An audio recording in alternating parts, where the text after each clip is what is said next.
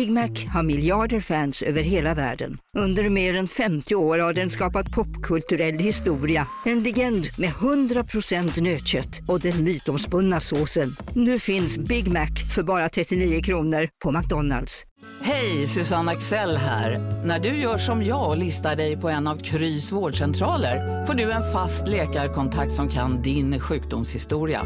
Du får träffa erfarna specialister, tillgång till lättakuten och så kan du chatta med vårdpersonalen.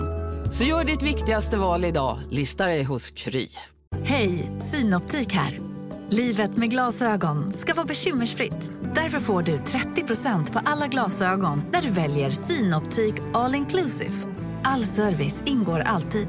Välkommen till Synoptik. Välkommen till Universums hemligheter, din podcast om det mystiska och övernaturliga. Jag är din värd, Oskar Panizza, och jag är redo att ta dig på en spännande resa till en värld bortom det vi kan se med våra egna ögon.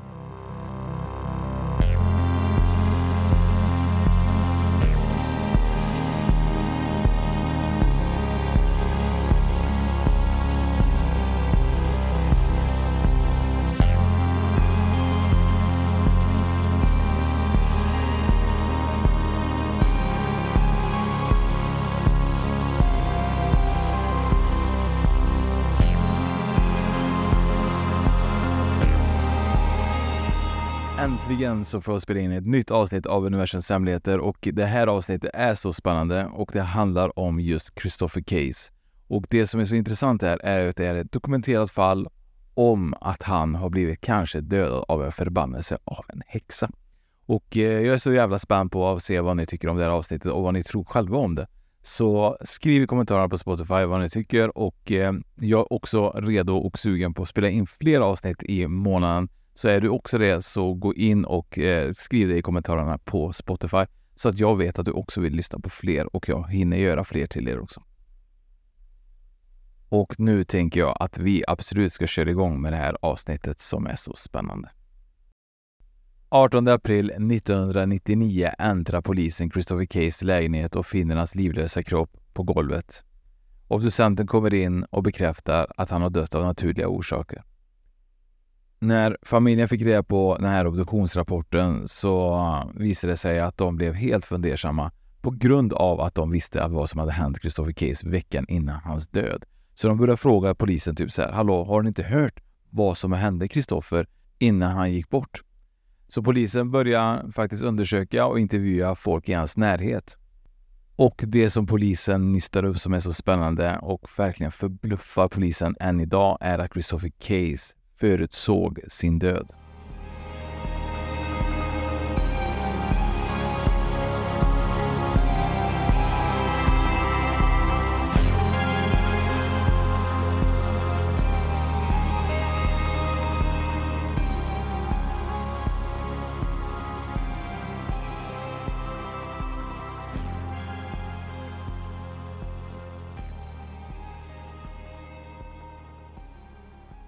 Början av 1999 så var det så att Christopher Case, han levde ett fantastiskt liv.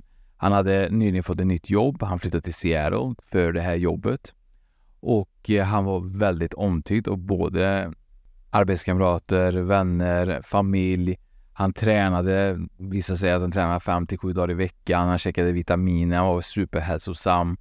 Han var verkligen så omtyckt att det var konstigt egentligen att han var singel. Så många av hans vänner och bekanta ville verkligen se till att han verkligen skaffade en flickvän.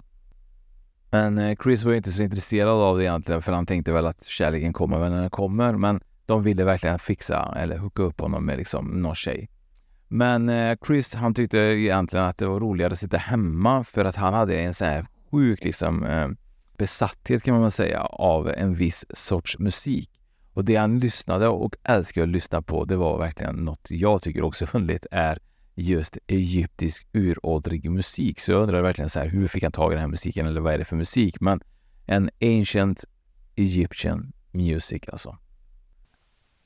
11 april, april så... så var det så att han var tvungen att åka på en affärsresa eftersom hans arbete verkligen krävde att han åkte mycket på affärsresor. Så han och några andra medarbetare åkte på den här affärsresan.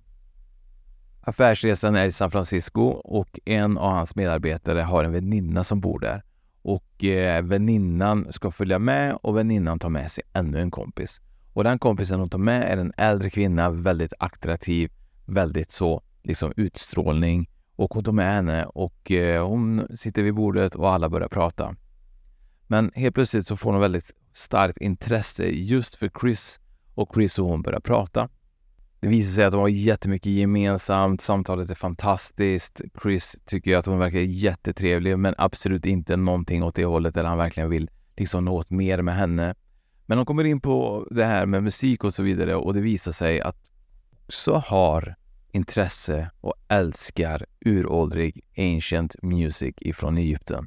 Och eh, Chris han bara shit det här är liksom helt otroligt. Hur har jag verkligen hittat någon som ens vet vad det är och som lyssnar på det?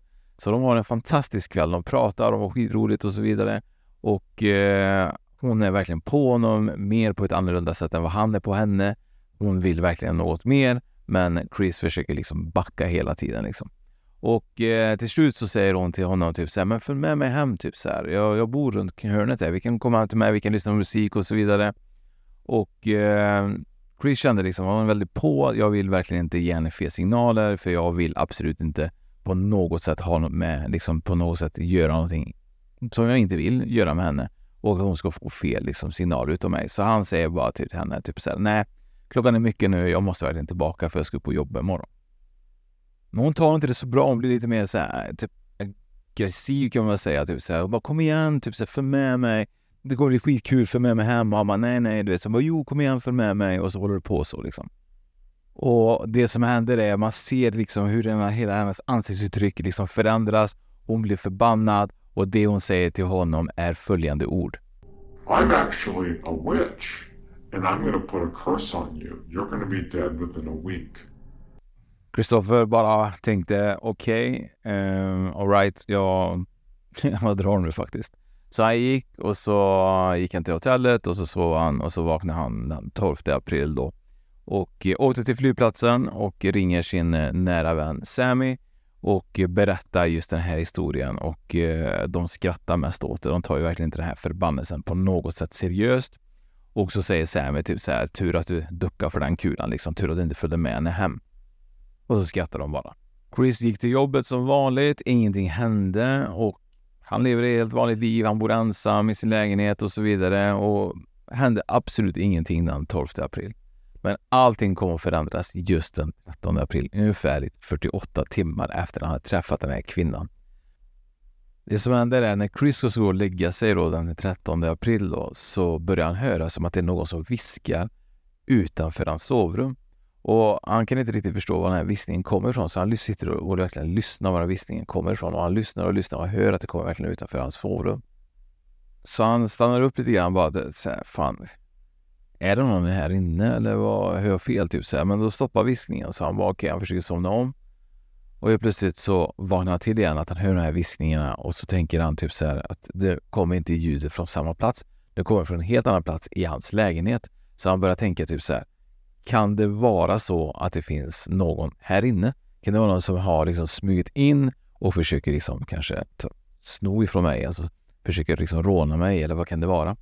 Så Kristoffer han bestämmer sig för att smyga ur sängen och gå mot sovrumsdörren och se om man kan se eller höra någonting närmare. Så han går mot dörren och eh, går utanför dörren. Han hör fortfarande viskningarna och eh, han öppnar nästa dörr och där han tror visningen kommer ifrån och så stoppar själva visningen. Men han tittar mot sin ytterdörr och där ser han i sin liksom i sin preferix så ser han liksom en skugga av någonting som bara springer förbi supersnabbt. Och just i det tillfället så tänker han shit, det måste vara någon här inne. Så han tänder en lampa bredvid honom och eh, letar runt och tittar och så vidare. Han hör fortfarande viskningarna, men lägger inte så mycket fokus på det för han håller på att leta efter den här skuggfiguren som sprang förbi. Så han tänker typ, det är någon här inne. Så han börjar gå runt och tända lampor och titta efter den här skuggfiguren.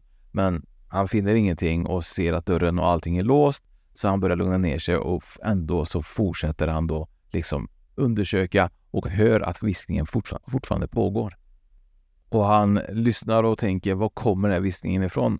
Och det sjuka är att nu hör han viskningen komma ifrån hans sovrum där han låg och sov. Han går mot sovrummet, han hör viskningen och varje gång han närmar sig viskningen så stoppar viskningen. Och detta pågår egentligen hela, hela natten så att han kan ju absolut inte sova. Han hör de här viskningarna, han börjar undra liksom så här, drömmer jag? Är jag knäpp? Är det någon som har liksom drogat mig på något sätt liksom? Han kan inte förstå vad som händer. Han ser de här skuggiga figurerna springa emellanåt, men han kan inte liksom se dem framför sig. Han ser dem bara i sin liksom preferix i sin syn. Så att han kan inte liksom lokalisera någonting, men han kan absolut inte sova. Så när solen går upp då den 14 april då så väljer han att ringa sin nära vän Sammy. Han är verkligen panikslagen när han ringer Sammy och vi vet angående just det här samtalet på grund av att hon, Sammy då, har berättat detta för polisen att Chris hade ringt henne den 13 april och berättat att han hade sett liksom de här ljuden, eller sett eh, de här shadow figures och eh, hört de här ljuden och att han var verkligen panikslagen. Och det hon säger till polisen är att det är så konstigt för Chris, han var absolut inte en sån person som trodde på detta. Han var verkligen en skeptiker och att han var verkligen inte alls en sån person som trodde på det övernaturliga. Och hon tyckte att han lät, verkligen lät panikslagen i hans röst. Men eh, de pratade i det här samtalet och eh, de sa hoppas liksom det som var då att det inte kommer att upprepa sig igen då. Men de visste ju självklart att det inte var en vanlig människa som var i just den här lägenheten. Annars hade det varit så att Chris, som han berättade för Sammy, att hade jag trott att det var en riktig människa här inne så hade jag ringt polisen och det var därför han inte heller ringde polisen för att han tänkte typ såhär, de kommer tro att jag är knäpp i huvudet ifall jag berättar detta och det finns ingen här inne. Men eh, tyvärr är det så att han går tillbaka till sitt normala liv just den eh, 14 april. Men sen på kvällen när han ska gå och lägga sig så börjar det upprepa sig igen. Han börjar höra de här viskningarna, han börjar se de här eh, skuggfigurerna i hans preferix. Men under natten så blir det liksom mer och mer intensivt. Han börjar liksom så här ana siluetter av de här figurerna och det är nästan som det som han har liksom hör och sett liksom börjar manifestera sig betydligt mycket, mycket, mycket starkare. Och han eh, har liksom eh, tankar i sitt huvud. Typ, kan det vara att jag inte har sovit dagen innan? Kan det vara liksom att det är fortfarande liksom bara jag eller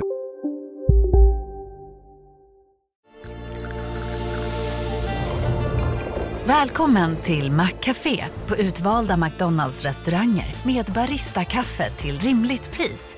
Vad sägs om en latte eller cappuccino för bara 35 kronor? Alltid gjorda av våra utbildade baristor. Hej Sverige! Apoteket finns här för dig och alla du tycker om.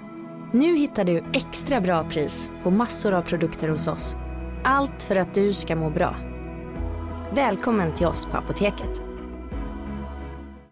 En nyhet. Nu kan du teckna livförsäkring hos Trygg-Hansa. Den ger dina nära ersättning som kan användas på det sätt som hjälper bäst. En försäkring för dig och till de som älskar dig. Läs mer och teckna på trygghansa.se. Trygg Hansa. Trygghet för livet. Så det, det, det slutar med att han inte sover den natten heller och får verkligen panik över just det här, det som pågår i hans sovrum. Chris då den 15 april väljer att ringa andra medarbetare eller vänner. De som är och berättar den här historien är anonyma så det enda vi vet att de har berättat historien. Men det var inte Sammy han ringde till.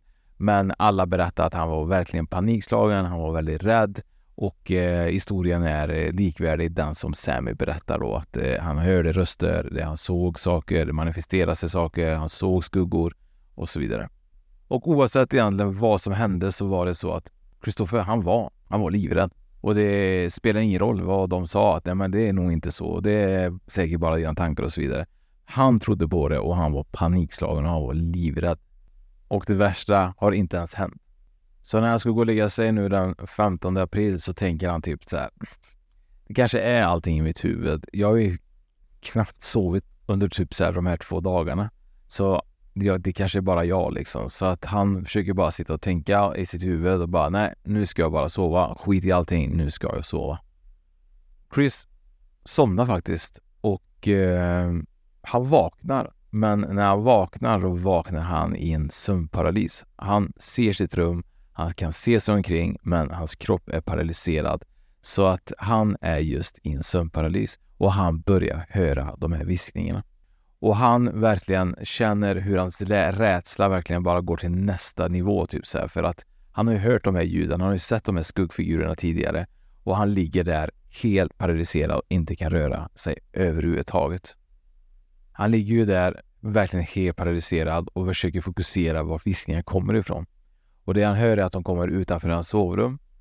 Men helt plötsligt så hör han dem att de kommer innanför hans sovrum. Sen han hör om att de kommer ifrån garderoben. Och han kan fortfarande inte röra sig. Och helt plötsligt så hör han att viskningarna kommer under hans säng.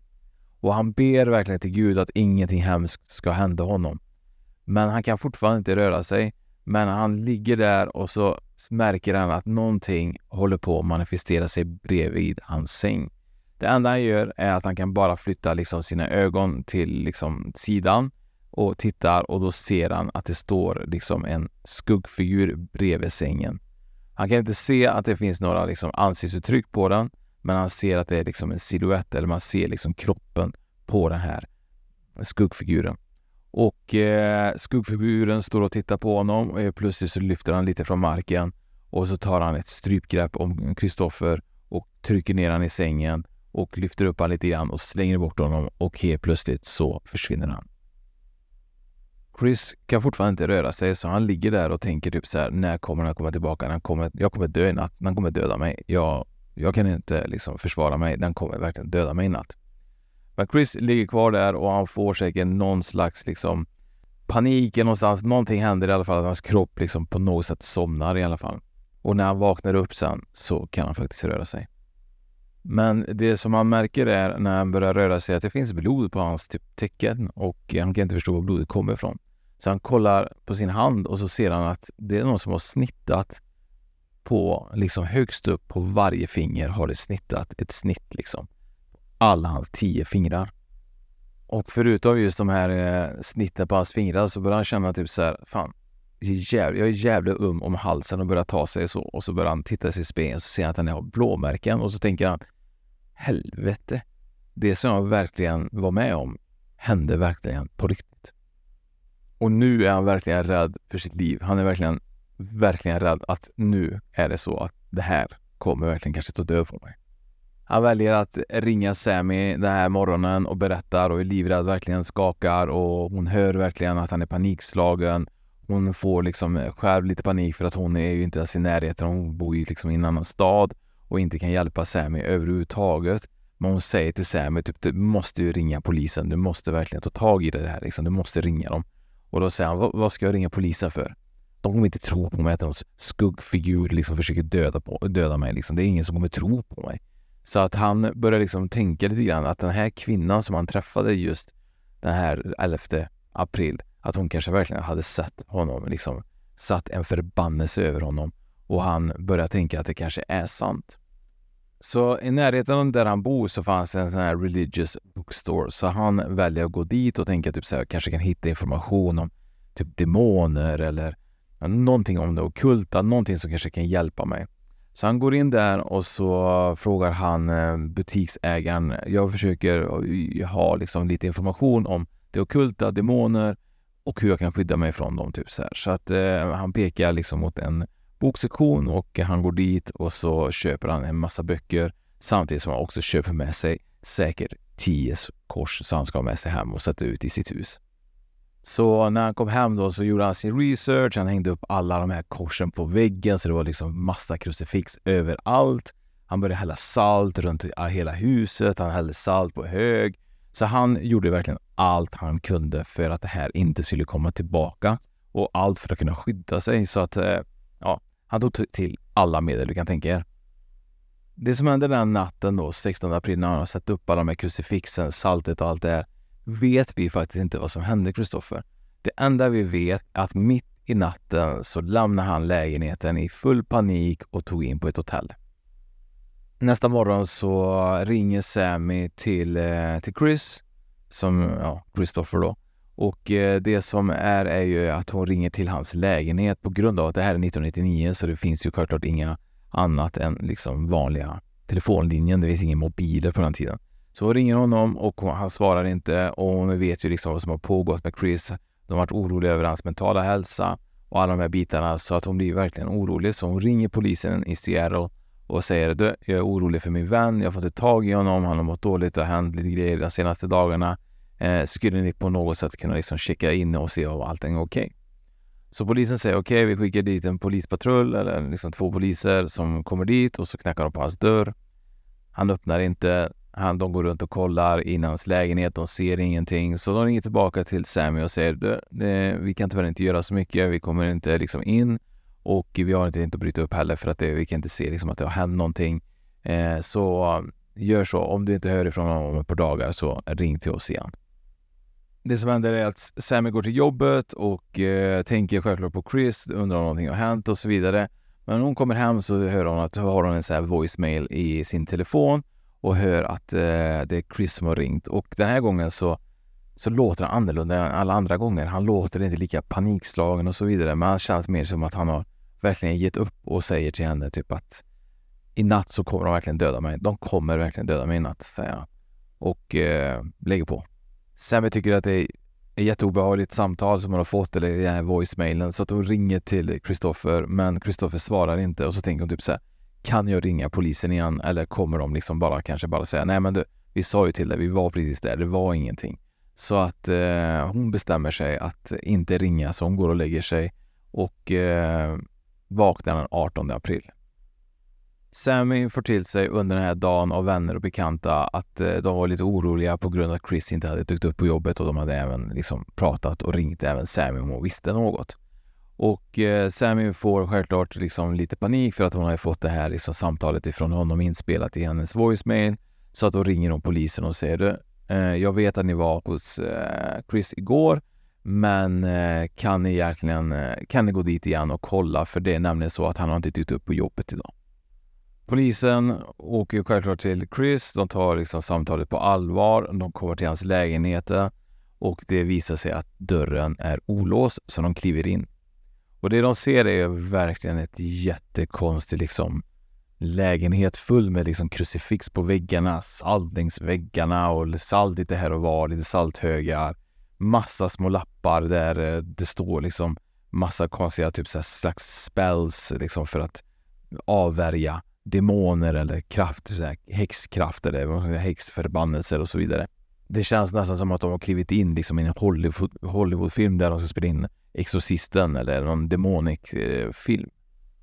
Polisen fortsätter att gå och kommer in i badrummet och ser att det finns fullt med levande ljus och i badkaret så ligger Chris kropp och eh, kroppen är lite grann som att det ser ut som att han sitter på knä, lutad mot väggen med händerna väldigt nära bröstkorgen och eh, där ligger han tyvärr död.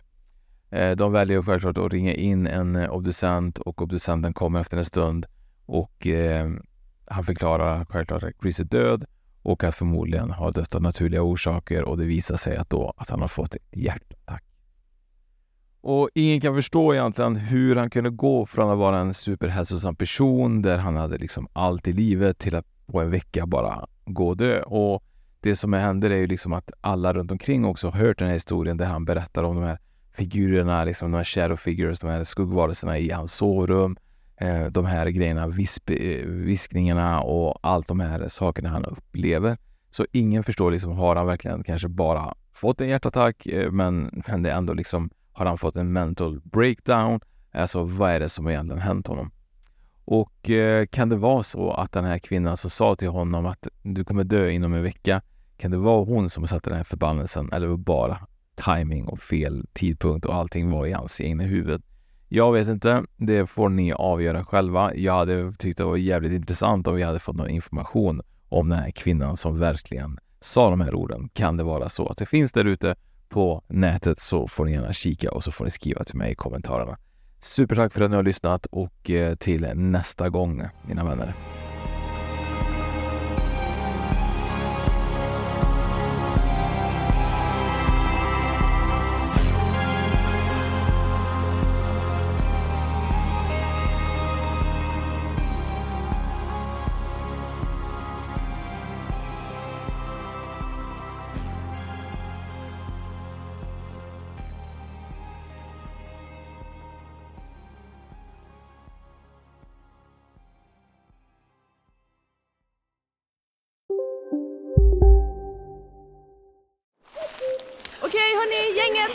Vad är vårt motto? Nej, allt är inte alltid som du tror. Nu täcker vårt nät 99,3 procent av Sveriges befolkning baserat på röstteckning och folkbokföringsadress. Ta reda på mer på 3.se eller i din 3-butik. Välkommen till Maccafé på utvalda McDonalds restauranger med Baristakaffe till rimligt pris. Vad sägs om en latte eller cappuccino för bara 35 kronor? Alltid gjorda av våra utbildade baristor.